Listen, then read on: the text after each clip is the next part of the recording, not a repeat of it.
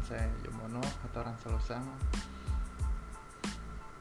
Ini pertama kalinya saya menggunakan podcast Karena saya tidak terbiasa muncul di hadapan layar kamera.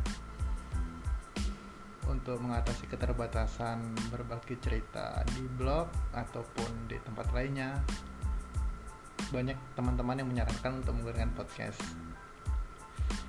singkat cerita sekitar tiga tahun lalu saya berhenti kerja lalu melakukan perjalanan hingga saat ini. Uh, berbagai pengalaman mungkin sudah saya tuangkan di blog ataupun di media sosial. Sekarang saya mau bergeser ke podcast karena lebih simple dan bisa diakses di mana pun kapan pun. Oke terima kasih. Salam kenal untuk semuanya